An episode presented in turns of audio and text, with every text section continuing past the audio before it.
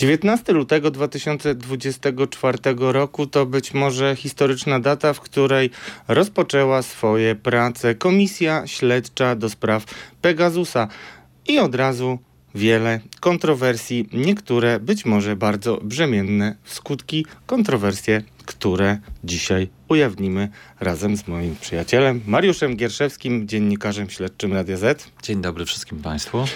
E, I jeszcze dzisiaj Mariusz w jednej roli, w roli mm, tak zwanego pokrzywdzonego e, w śledztwie, które być może będzie wracać właśnie w komisji, ponieważ suflują taki powrót koledzy opozycji już dzisiaj członkowie w komisji, czyli między innymi politycy suwerennej Polski. O co tam chodzi? E, zaraz będziemy tłumaczyć, ale to nie wszystko, drodzy Państwo. Dużo się dzieje bardzo na wschodzie i coraz częściej będziemy mówić o różnych mackach rosyjskich i tym, e, kto może być niezainteresowany pomocy mm, Ukrainie mm, w Polsce i w Europie. No i też istotne w tym kontekście będą wybory do Parlamentu Europejskiego, a tam Mariusz przynosi bardzo niepokojące mm, dla przeciwników PiSu informacje. No i na koniec, y, no cóż, podsumujemy to trochę, dokąd to może zmierzać. Dziękujemy Wam wszystkim za Wasze komentarze, lajki, subskrypcje i zaczynamy. Podejrzani politycy ekstra. Zapraszają Radosław Gruca i Mariusz Gierszewski. Drogi Mariuszu, no, y, musimy chyba zacząć od najbardziej gorącego tematu tego tygodnia. Y, komisja do spraw y, Pegasusa, Komisja do spraw masowej inwigilacji, Komisja do spraw atomowej broni inwigilującej, bo tak na, należy nazywać Pegasusa. Obserwowaliśmy wszyscy początek, długo na to czekano. No i chciałem cię spytać, czy coś ciekawego szczególnie cię w komisji urzekło, czy już od razu chcesz powiedzieć o tym, jak tutaj jakiś rosyjski cień się pojawił? No właśnie to mnie urzekło, że pojawił się ten rosyjski e, cień. E, zaraz też wyjaśnisz o co chodzi, natomiast ja na samym wstępie powiem, że e, dla mnie to wygląda tak, jakby szykowano prowokację na tę komisję, bo gdyby ta sprawa nie wypłynęła teraz, a pojawiła się później, to naprawdę byłyby to ciężkie oskarżenia wobec e, działania i funkcjonowania tej komisji. E, to, że teraz e, ta sprawa wypływa, no być może uchroni tę komisję właśnie przed takimi zarzutami później, więc to jest tak to jest taka ogólna uwaga, może ty w takim razie powiedz o co chodzi. No bardzo, jak Państwo wiecie, wiele y, uwagi swego czasu w mojej pracy poświęcałem Przemysławowi Wiplerowi i Konfederacji. E, Przemysław Wipler, kandydat oficjalny już na prezydenta Warszawy w wyścigu w wyborach samorządowych, ale jednocześnie członek Komisji mm, do spraw Pegasusa, nawet jej wiceprzewodniczący. No i cóż, Konfederacja to nie jest najbardziej proeuropejska partia, nazywana pieszczotliwie podczas ostatniej kampanii rosyjską onucą, albo ruską onucą wręcz, więc y, musi szczególnie mocno uważać na wszystkie rzeczy, które mm, no, wpisują się w takie prorosyjskie poglądy, które w przeważającej większości, y, mm, u przeważającej większości Polaków są niedopuszczalne. No i teraz okazuje się, że Przemysław Wipler mm, zgłasza swoją ekspertkę, panią doktor e, prawa, e, nazywającą się nomen omen Trocka, doktor Anna Trocka. Myślę, że nie ma żadnego pokrewieństwa, ale nie sprawdzałem, natomiast sprawdziłem, że tak jak słusznie zauważyła pani przewodnicząca Magdalena Sroka, okazuje się, że chociaż internet jest dziwnie wyczyszczony no, albo pusty, jeśli chodzi o wyszukiwanie informacji na temat pani doktor Trockiej, pani prawniczki, no to znaleźliśmy taki E, wpis, który znalazł się e, na Wydziale Prawa i Administracji Uniwersytetu Kardynała Stefana Wyszyńskiego. Teraz Państwo widzicie ten wpis. I jedna taka ciekawa rzecz, bo ja zamieściłem ten wpis e, na Twitterze i obciąłem końcóweczkę z tego e, wpisu na e, słowach serdecznie gratulujemy. Przeczytam tylko z przyjemnością informujemy, że magister Anna Trocka, asystentka w Katedrze Prawa, e, uzyskała akredytację i została wpisana na listę arbitrów międzynarodowych w rosyjskim stałym sądzie arbitrażowym działającym przy Independent Chamber of Arbitration w Moskwie. No i dlaczego mówię, że obciąłem na tym serdecznie gratulujemy? Bo wydaje mi się, że to spowodowało duże problemy, które będzie musiał teraz mieć y, Przemysław Wipler, bo Przemysław Wipler potwierdził najpierw w komisji, widziałeś to, tak? Komisji, a potem przed y, telewizorami. Przed milionami słuchaczy i widzów. Widzów. E, kropka na D, tam występował z Magdaleną e, Sroką i Ma- Monika Olejnik spytała, czy on wycofuje swoją doradczynię, bo z nią są pewne problemy. Tak zaczęła. Nie, absolutnie powiedział, że nie. No i też taka ciekawa sytuacja. Hmm. On twierdzi, że to było dawno, że w ogóle arbit, e, arbitraż nie ruszył i no tak sugeruje, że no, to nie ma specjalnego znaczenia. E, No chciałem Państwu powiedzieć, że jeżeli ktoś w ogóle coś z Rosjanami robił e, nawet e, 20 lat temu, to dzisiaj jest w pewien sposób toksyczny, jeśli chodzi o służby, szczególnie jeśli występował w różnych e, gronach. No mamy wojnę z Rosją i mamy naprawdę dość sporo różnych prawników, spośród których może wybierać też Przemysław Wiper, jednak ją chce. No i to powiedz w takim razie, no, skradnij trochę mi show, powiedz, co tam było pod tym serdecznie em, gratulujemy, bo Przemysław Wipler powiedział, że to było dawno i że generalnie było to e, przed, było to, tak mówi, kilkanaście lat temu, przed aneksją e, Krymu przez Rosję. Czy, y, czy, to powiedz, jaka tam jest data pod tymi gratulacjami dla A pani pokaż w takim razie, żebym był dokładny. Mogę no. ci pokazać, ale ja mam akurat ten bez daty, więc y, nasi już widzowie widzą dokładnie, że, jeszcze patrzymy, że data, która tam była na tych gratulacjach, drodzy Państwo, to nie jest data sprzed kilkunastu lat, tylko, tylko, drodzy Państwo, z 2014 14 roku. roku. Patrzcie bardzo uważnie. Zobacz jeszcze raz. Wizja lokalna. Mariusz Gierszewski sprawdza. 28 luty 2014, czyli e, to jest 8 dni po tym, jak rozpoczęła się agresja rosyjska na Krym. Dobrze mówię? Tak, no, w, jakby to zaczęła się już trochę wcześniej. Przypomnijmy, że to były zielone ludziki. Władimir Putin mówił, że każdy może sobie ciuchy z demobilu kupić i on nic nie wie na ten temat. No a potem było referendum i wiadomo, aneksja już przyklepana od lat. Sami sobie odpowiedzcie, drodzy Państwo, czy osoba, która 8 dni po aneksji Krymu Mm, Otrzymuje gratulacje od uczelni. Jest y, osobą, która rzeczywiście spośród y, setek y, czy nawet tysięcy prawników w Polsce powinna być dopuszczona do tego typu tajemnic. To chyba nie wydaje się, że taka osoba w przypadkowych instytucjach nieprzejrzanych od, no absolutnie przez FSB, KGB i wszystkie, no KGB już nie istnieje, przepraszam, FSB, GRU i No wszystkie w takim gronie się znaleźć, a potem trafić do komisji do spraw Pegasusa. No to powiedz, wytłumacz, Hmm. co, co rozumiesz przez tę, tę prowokację, bo w ogóle ja nie ukrywałem tego absolutnie, że kandydatura i zgłoszenie i przegłosowanie Przemysława Wiplera e, na e, członka komisji, no to jest jakieś dość takie brawurowe działanie ze strony Konfederacji, bo nie dość, że on ma proces, w którym ma olbrzymie szanse zostać skazanym za, wyłudzenie, za wy, wy, wykradanie pieniędzy swojej fundacji, no to jeszcze ma dużo poważniejszy problem pod względem bezpieczeństwa, czyli te, taki problem, że nigdy nie powiedział, jakich miał klientów e, w swojej agencji PR-owsko, public affairsowej czy też lobbyingowej. E, A mogli to być klienci, którzy mieli kapitał rosyjski, e, mówiło się też o chińskich.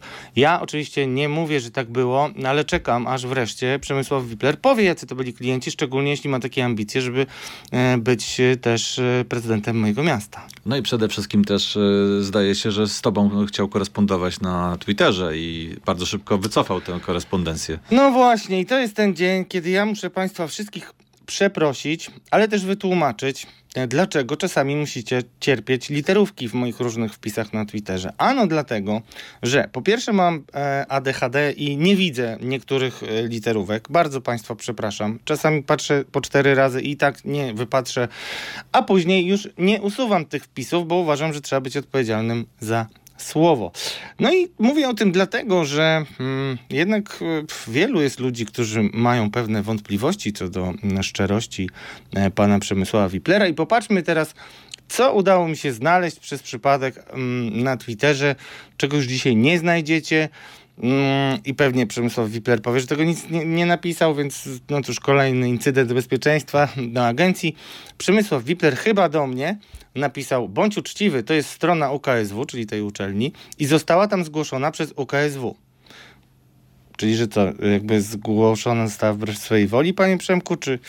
No nie wiem. I teraz dalej. Mówienie, że chwaliła się, jest oczywista nieprawda. Wydarzyło się to w 2013 roku, czyli i tutaj wersalikami przed agresją Rosji na Ukrainę. Synchronizujcie kalendarze, panie Przemysławie. Dzisiaj już nie ma tego wpisu, ale wydaje mi się, że sprawa jest naprawdę poważna, bo jeżeli miał szansę wycofać tę panią, y, pan Wipler i tego nie zrobił, kłamie na Twitterze, usuwa, ale okej. Potem idzie i jeszcze dalej kłamie, bo kilkanaście lat to jest więcej niż 10, a tutaj mielibyśmy 10, więc no cóż. Będą to musiały chyba wyjaśnić służby. Może się pomylił po prostu, no słuchaj. No bardzo się pomylił, chyba w życiu się pomylił Tylko, i... tylko tutaj ta data jest niezwykle ważna. jest niezwykle ważna. I tak jak mówię, drodzy Państwo, możemy się czepiać, ale po pierwsze, ja nie wierzę osobom, które raz mnie okłamały. Panie Przemysławie, parę razy panu się to zdarzyło.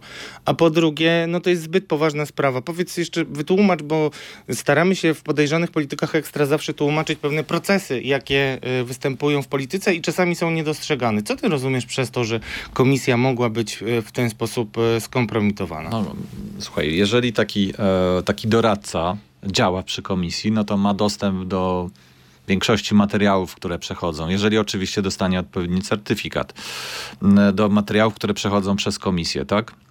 E, więc ma bardzo, bardzo dużą wiedzę. I teraz, jeżeli w trakcie działalności tej komisji, kiedy ona już się rozbucha, już będzie działać, wzywać świadków i tak dalej, i tak dalej, i nagle wychodzi taki element, który podważa wiarygodność jakiegoś doradcy, to wtedy może podważyć działalność całej tej komisji, no bo, po, no bo zacz- zaczną wszyscy ci, którzy są przeciwko tej komisji mówić, no jak to? No tu mieliście taką osobę, to jak wy pracowaliście, jak wy ją sprawdziliście? No także wiarygodność, podważenie wiarygodności. To ja mówiłem właśnie na samym początku o tym, że jeżeli by ta sprawa nie wyszła teraz, to pewnie wyszłaby później i to podważyłoby wiarygodność i całą działalność tej komisji. To powiedz jeszcze a propos tej wiarygodności, bo to też wszystkich e, nas e, interesuje, szczególnie ludzi. Lista, lista, lista nazwisk, tak? E, Słyszymy, zresztą Przemysława Wiplera, więc chyba nie warto podawać tej liczby, no bo można mieć wątpliwości, ale o paru tysiącach licencji pegasusowskich. My pisaliśmy o kilku nazwiskach, ty pisałeś o kilku nazwiskach e, inwigilowanych. E, pytam cię o to, dlatego że bardzo dużo jest takich denuncjacji prasowych. Niektórzy mówią, że jest lista, inni, że nie, że będzie pełna, niepełna. E, I też oczywiście coraz więcej jest takich głosów, które wskazują na to, że Mateusz Morawiecki może nawet e, rozpuszczać tego typu plotki. A ja. Może nie Mateusz Morawiecki, tylko środowisko Przepraszam, panie Mateusza premierze. Morawieckiego, tak zwanych harcerzy. Tak, harcowników też. Y, ale mówiąc y, krótko, bo y, czy ty się w tym jakoś już orientujesz? Bo ja mam swoje zdanie, na razie go nie będę wypowiadał, bo bardziej patrzę na kulisy pracy komisji, ale też patrzę na służbę i, i mm, głosy, które słyszę stamtąd, no przekonują mnie, że będzie to arcytrudne, żeby taką rzetelną listę zrobić. Ja myślę, że mm, jednak trochę słabo się stało, że ta lista wypłynęła. Sam się to oczywiście do tego przyczy- przyczyniłem. Biję się w pierś. Ale ty byłeś Ale- jeden z pierwszych. Yy, Dlaczego? Dlatego, że mm, o wiele mm, myślę, że skuteczniej byłoby, gdyby taka lista nie wyszła yy, i służby przeprowadziłyby odpowiednie kwerendy bez tych naszych yy, yy, świateł, reflektorów, yy, bez mediów. Przeprowadziły kwerendy i wtedy dopiero przyszły i powiedziały, co wykryły. Oczywiście przyszły tam no, do odpowiednich, do koordynatora służb specjalnych albo do Komisji do Spraw Służb Specjalnych i, i zaraz za tym poszłyby odpowiednie doniesienia, wnioski i tak dalej. No w tej chwili mamy odwróconą sytuację, że mamy nagłośnione różne nazwiska. Część jest prawdziwa, część pewnie nieprawdziwa, bo, bo to się wszystko w ten sposób medialnie już rozbuchało, że myślę, że wszyscy zaczęli wrzucać te nazwiska różnego rodzaju dla różnych tam celów. I w tej chwili dojście do tej prawdy będzie trochę trudniejsze. No właśnie więc, też- mm, więc ja uważam, że mm, coś takiego, e, no, nie, oczywiście nikt nie stworzył listy, tak? Nikt, nie- nikt, e, kto prowadził te działania, nie stworzył sobie takiej listy na samym początku i słuchajcie, to będziemy mm, ten inwigilować tego, tego, tego, tego. No, Myślę, że to, to jest nasz trochę wytwór, nasz medialny. Natomiast y, jakaś grupa, która była y, pod, po, po, poddawana takiej inwigilacji polityków Prawa i Sprawiedliwości, tak, była taka grupa, istniała taka grupa, która w, w ciągu tych kilku lat po prostu jakoś, jakoś się e, stworzyła wskutek różnych działań. Ale ja mam przekonanie, że my fokusujemy, fokusujemy się tylko na mm, tym jednym narzędziu, nazywając to listą Pegasusa, a może się okazać, że takich jakby oddzielnych, udzielnych księstw, y, gdzie podsłuchiwano, inwigilowano było kilka. To nie, to nie było jedna scentralizowana instytucja, gdzieś tam ktoś siedział, potem to zbierał, tylko różne środowiska, mając do czynienia y, i mając różne narzędzia, robiły różne rzeczy, gdzie łamano prawo mm, na różne sposoby. I tutaj y, wiesz, o czym mówię, ponieważ to nasze śledztwo mm, zmierza w takim kierunku, żeby pokazać, że w miejscu, gdzie nikt by nie podejrzewał, e, właśnie takie działania były prowadzone. Tak, drodzy Państwo, bo to jest kolejny odcinek, y, myślę, że z długiej serii podejrzanych polityków ekstra, gdzie będziemy pokazywać Państwu finały naszych różnych y, poszukiwań, które w związku z tym, że państwo kłamało y, w wielu kwestiach albo nie udzielało odpowiedzi na trudne pytanie, trudno było te tematy rzetelnie dokończyć. E, Ostatnio pisaliśmy o mm, zaginięciu danych e, w Hiszpanii od eksperta prokuratury e, w zakresie badania przyczyn katastrofy smoleńskiej. Tylko dodam, że udało się nam jeden mały kroczek zrobić do przodu. Dowiedzieliśmy się, że policja, na- Narodowa Policja Hiszpańska jednak prowadzi jakieś śledztwo, tylko że w sprawie takiej, takiej, takiego rabunku parkingowego, czy takiego typowego jakiegoś tam e, na, napadu rabunkowego, a nie w jakiejś innej, ważniejszej sprawie, która nam się wydaje powinna być prowadzona, tak?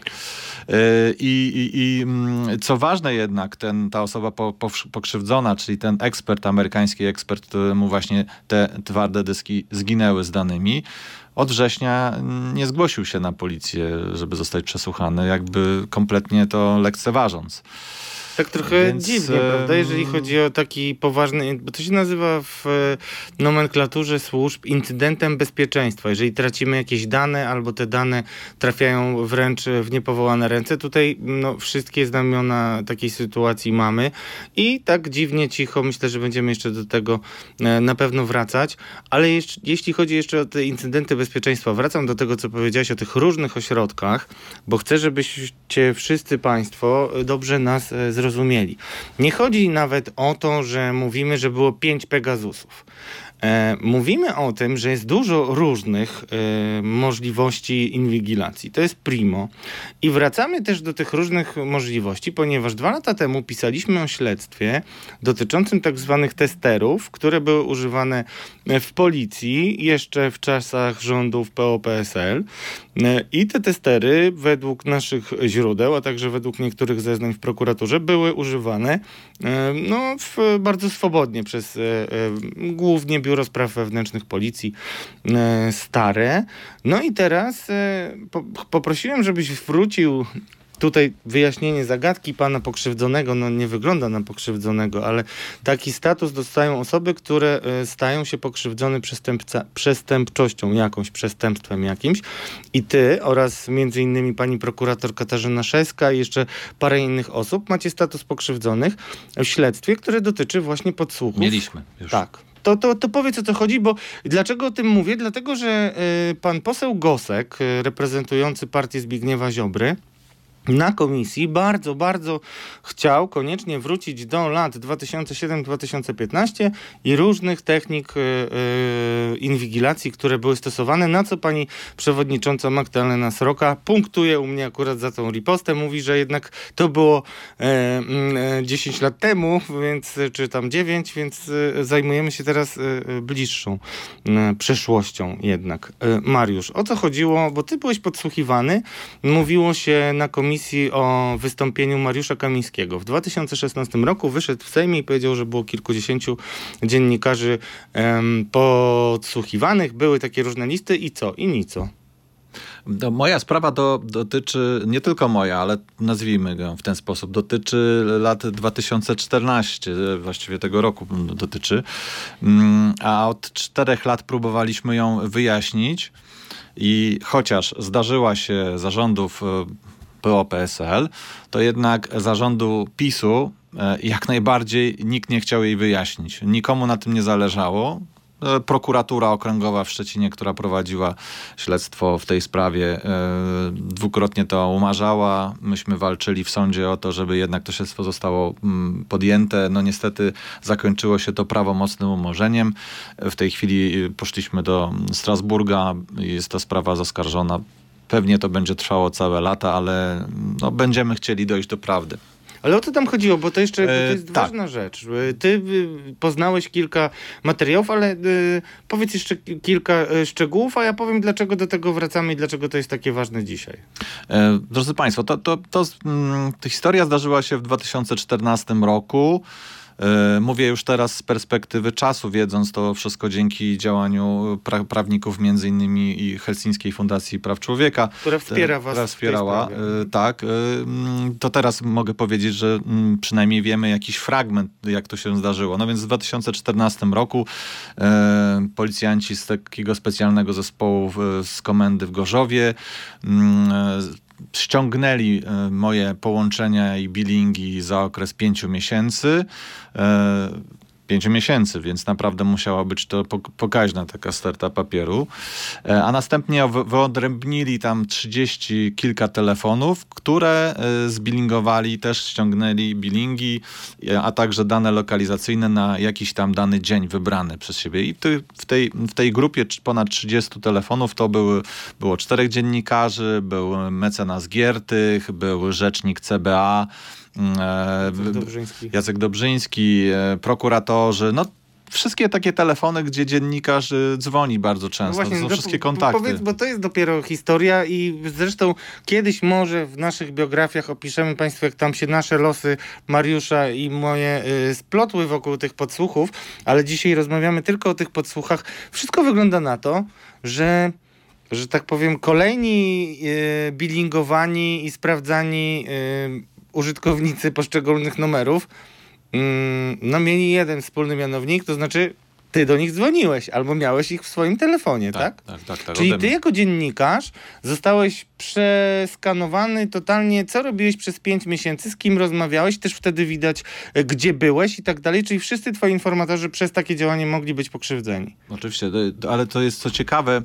E, ściągnięto także numer telefonu, który już nie był w, moim posiadaniu i tam też e, zbillingowano ten numer, czyli ściągnięto za 5 miesięcy wszystkie, wszystkie dane. Mm, Natomiast no, mm, tworzono, jak rozumiem, tworzono taką siatkę połączeń, czyli chciano zobaczyć y, z kim się kontaktuje, jak często się kontaktuje i kiedy wyodrę- wyodrębniono tą grupę, z którym się kontaktuje, tych 30 paru numerów, no to właśnie na taki, dokonano takiej vivisekcji na dany dzień, ściągnięto y, lokalizację tych telefonów i, i, i BTS.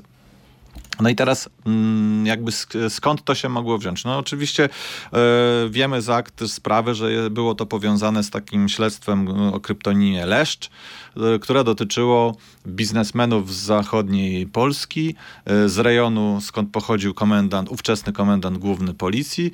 Ci biznesmeni, no powiedzmy w skrócie, mieli na pieńku z komendantem i twierdzili, że mają też e, kompromitującą wiedzę dotyczącą tego komendanta i dlatego ja e, z jednym z nich się kontaktowałem. Być może właśnie zakładamy, że to właśnie stąd e, policjanci z Gorzowa mieli mój numer i zaczęli się mną interesować. Tak?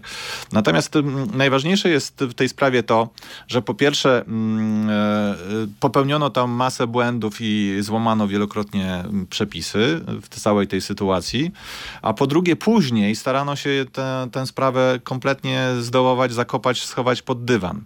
I stąd myśmy próbowali e, doprowadzić do tego, aby to śledztwo jednak e, odgrzać. Potem śledztwo zostało odgrzane, ale znowu umorzone, więc znowu domagaliśmy się, pokazując błędy, które tam zostały popełnione. Wymienię tylko, wymienię tylko dwa. Otóż prokuratura e, użyła z opracowania biegłego, który nie miał dostępu do materiałów niejawnych. Zresztą ten biegły no już na samym początku, zanim został wyznaczony przez tą prokuraturę, zawiadomił prokuraturę, że właśnie skończyły mu się poświadczenia bezpieczeństwa i nie będzie mógł mieć dostępu do To materiałów po, co, to, niejawnych. to po co taka... No więc jaką opinię mógł wydać biegły, kiedy w, w tej sprawie głównie chodziło o materiały niejawne, a on nie miał do nich dostępu? Pierwszy, pierwszą rzecz, którą nasi prawnicy podkreślali, to jedna z wielu, ale bardzo, bardzo taka bijąca w oczy. A, a, a kolejna... mm, Otóż mówię o tym, że nie wiemy, czy nasze moje bilingi, te wszystkie ściągnięte dane zostały zniszczone, czy przypadkiem gdzieś one nie poszły dalej, nie zostały użyte dalej, albo gdzieś leżą u kogoś i ktoś je nie wykorzystuje do tej pory. Tak? No, dlaczego? Dlatego, że mm, dokument mówiący o zniszczeniu materiałów z, z, tego, z tego śledztwa, datowany na 2018 rok, mówi o tym, że zostały zniszczone materiały, które zostały mm, wytworzone w sierpniu 2014 roku. E, No tylko, że moje bilingi i bilingi tych 30 paru osób e, pobrano w grudniu. 2014 roku. A mimo to prokuratura uznała, że ten dokument świadczy o tym, że jesteśmy bezpieczni i że wszystkie dane zostały zniszczone. No więc tam takich kwiatków jest bardzo dużo, ale niestety e, prokuratura pod rządami PiSu nie chciała wyjaśnić tej sprawy. Nie wiem dlaczego, komu zależało, jakie środowisko nadal broniło się przed ujawnieniem, co, co robiono. I sprawa została prawomocnie umorzona. Tak jak powiedziałem, będziemy dochodzić e, naszej sprawiedliwości w Strasburgu. No ja, drodzy Państwo, od siebie powiem, że wcale bym się nie zdziwił, gdyby mój drogi y, przyjaciel Mariusz y, nie był najbardziej słuchanym dziennikarzem w Polsce, bo dochodziły do mnie też takie pogłoski, że kilka nagrań Twoich rozmów nawet ludzie sobie bardzo podejrzani i bynajmniej nie nagrywający za Twoją zgodą puszczali na mieście. Zobaczymy, czy tak jest, czy to jest miejska legenda. Ale ja mam pewną koncepcję, jeśli chodzi o to, dlaczego tak mogło się e, wydarzyć. E, I chciałem na chwilę cofnąć się jeszcze do historii firmy Matic, która jest bardzo istotna przy Pegasusie. To jest e, firma, którą prześwietlił m, swego czasu Tomasz Piątek. Jak wiadomo, bardzo czuły na wszystkie rosyjskie potencjalne wątki gdzieś tam w tle działań różnych grup. I takie też znalazł w Matiku, bo tam tą firmę założyła grupa byłych funkcjonariuszy służby bezpieczeństwa, która bywała nawet w Rosji. I to nie byle kto, to naprawdę poważni zawodnicy. A mówimy o tym dlatego, że ja mam coraz większe przekonanie, e, że osoby, które dopuszczały się takich inwigilacji, jak na przykład e, w stosunku do ciebie, e, później pracowały już dla innej ekipy, czyli dla następnych rządzących. Nie wiem, nie wiem w zamian za co, ale wiem, co taka ekipa mogłaby takim ludziom zaoferować, na przykład bezkarność albo inne rzeczy. E, I takie wątki na pewno, drodzy Państwo, e, w komisji Pegasusowskiej e, zobaczymy. No i teraz. Niestety, wejdę ci w słowo, takie, takie przypadki są bardzo częste, że nie rozlicza się danej osoby, która na przykład pracowała w służbach, potem pracowała w, komercyjnie na rynku, ale nadal czerpała profity z tego, że kiedyś pracowała ze, w służbach, tak? Tylko mm, używa się jej, jej wiedzy się używa, mm, nie daje się jej właśnie doprowadzić przed prokuratora. To jest bardzo częste i tacy ślizgacze nadal, nadal dalej żyją, nadal pracują, nadal gdzieś tam się pojawiają, pomimo tego, że nie powinni być w tych miejscach, w których są. No właśnie, to jest bardzo y, pytanie, które na pewno będzie wracać często. To jest y, primo, ale jednak y, ja będę mm, z moim doświadczeniem życiowym stał na stanowisku, że taką metodę ludzi, którzy mają coś na sumieniu albo mogą być nam bardzo dłużni, y, jako metodę budowania kadr stworzyło jednak y, PiS i Zjednoczona Prawica szerzej. Tak uważam ja, ale jeszcze jeden wątek odnośnie, tak mi się skojarzyło tam ze ślizgaczami i tak dalej. Ty miałeś jak zawsze swoje trzy grosze, nawet przy historiach, których ty nie, nie opisałeś, to zawsze coś tam wiesz i akurat się okazało, że znalazłeś ciekawą informację dotyczącej, dotyczącą NASK-u. Naukowa Akademicka Sieć Komputerowa, ważna bardzo instytucja, właśnie dziennikarze, dziennikarze wyborczej, między innymi pan redaktor Breczko, którego serdecznie pozdrawiam, młody dziennikarz, e, opisali, że NASK e, w swoim dziale walki z dezinformacją no, zajmował się wieloma rzeczami, ale chyba nie walką z dezinformacją. Ty zobaczyłeś, że osoba, która nadzorowała NASK wtedy, kiedy ten specjalny e, oddział w NASK-u działał, dodajmy, że to było za czasów między innymi, albo przede wszystkim Janusza Cieszyńskiego jako ministra e, cyfryzacji, no tam czystek nie było na pewno, czyli Krzysztof Gawkowski, który z kwiatkami żegna e, poprzedniego dyrektora, no nie wiem co, uznał, że po prostu czas tutaj odpuścić grzechy. Notabene jako polityk lewicowy wicepremier Krzysztof e, Gawkowski wydawał się być taki zdeterminowany do czyszczenia Polski, a tutaj okazuje się, że gość wprawdzie nie jest już dzisiaj szefem NASK-u, ale zginąć mu nie dano. O co tam chodzi? No właśnie, ten dyrektor, dyrektor Pawlak, który został zdymisjonowany pod koniec grudnia, okazało się, że zaraz od stycznia przeskoczył na drugie stanowisko, na drugą funkcję doradcy dyrektora. No, wygląda to w ten sposób, że on po prostu wcześniej był doradcą, potem został mianowany zapisu tym dyrektorem i teraz znowu wrócił na to, ten stołek doradcy. Zresztą całkiem dobrze opłacane w widełkach między 12 a 21 tysięcy złotych miesięcznie. Ja słyszałem, że bliżej tych większych widełek nie, ale że tutaj... nawet, że finansowo nie stracił na pewno na tym doradzaniu. W każdym razie mm, e, były dyrektor, teraz jest doradcą, ale niestety nie można go zwolnić, ponieważ jest w okresie mm, ochrony przedemerytalnej. Więc tym doradcą może być jeszcze długo, długo, długo w tym NASK-u. Pomimo tego, no, że można mieć do niego zastrzeżenia, skoro NASK zamiast zajmować się walką z dezinformacją, no, robił takie badania, które służyły bardzo Prawo i Sprawiedliwości. Na przykład o posłaniu córki Morawieckiego do szkoły. Jak tam Polacy to oceniają. No cóż, ciekawe. No dla Nasku to chyba ta informacja nie była potrzebna. No chyba nie, no chyba na pewno nie. No być może pamiętajmy, że istotne jest to, że Janusz Cieszyński e, to jest taki półsyn trochę polityczny e, Mateusza Morawieckiego, jedna z bardziej zaufanych osób, więc może nie było mu głupio pójść i powiedzieć Panie dyrektorze, taka sprawa jest. No ale zobaczymy. E, nie jest to w ogóle zabawna historia, bo dezinformacja to jest broń. Znaczy, to jest element wojny e, hybrydowej i nie powinno być nam do śmiechu. No i też jest pytanie, które będzie wracać, i ja też do Państwa e, się zwracam, żebyście mm, skomentowali. Jak widzicie w ogóle sytuację nowej władzy i tych nominatów starej władzy? Bo to nie może być niestety, niestety, stety. Niestety dla niektórych co bardziej, mm, no potrzebujących zemsty, że wy wrzucicie ich, tych wszystkich ludzi, nominatów PiSu do jakiejś, e, nie wiem, arki kosmicznej i wyślecie na Madagaskar na przykład. No tak się nie da, a to jest właśnie problem, który to mówię autorytatywnie, bo sprawdziłem, który się powtarza przy poszczególnych e, instytucjach, e, które e, no, teraz e, będzie odzyskiwała koalicja, e, bo wcześniej były mocno przejęte przez PiS. Powiedzieliśmy trochę o wyborach samorządowych przy okazji Przemysława Wiplera ale najwięcej emocji oczywiście budzi y, miejsce, w którym y, można się ustawić na całe życie. Y, i można też, no każdy taki członek wybrany może po, po milion złotych średnio przynieść na działalność polityczną, tak to się wylicza.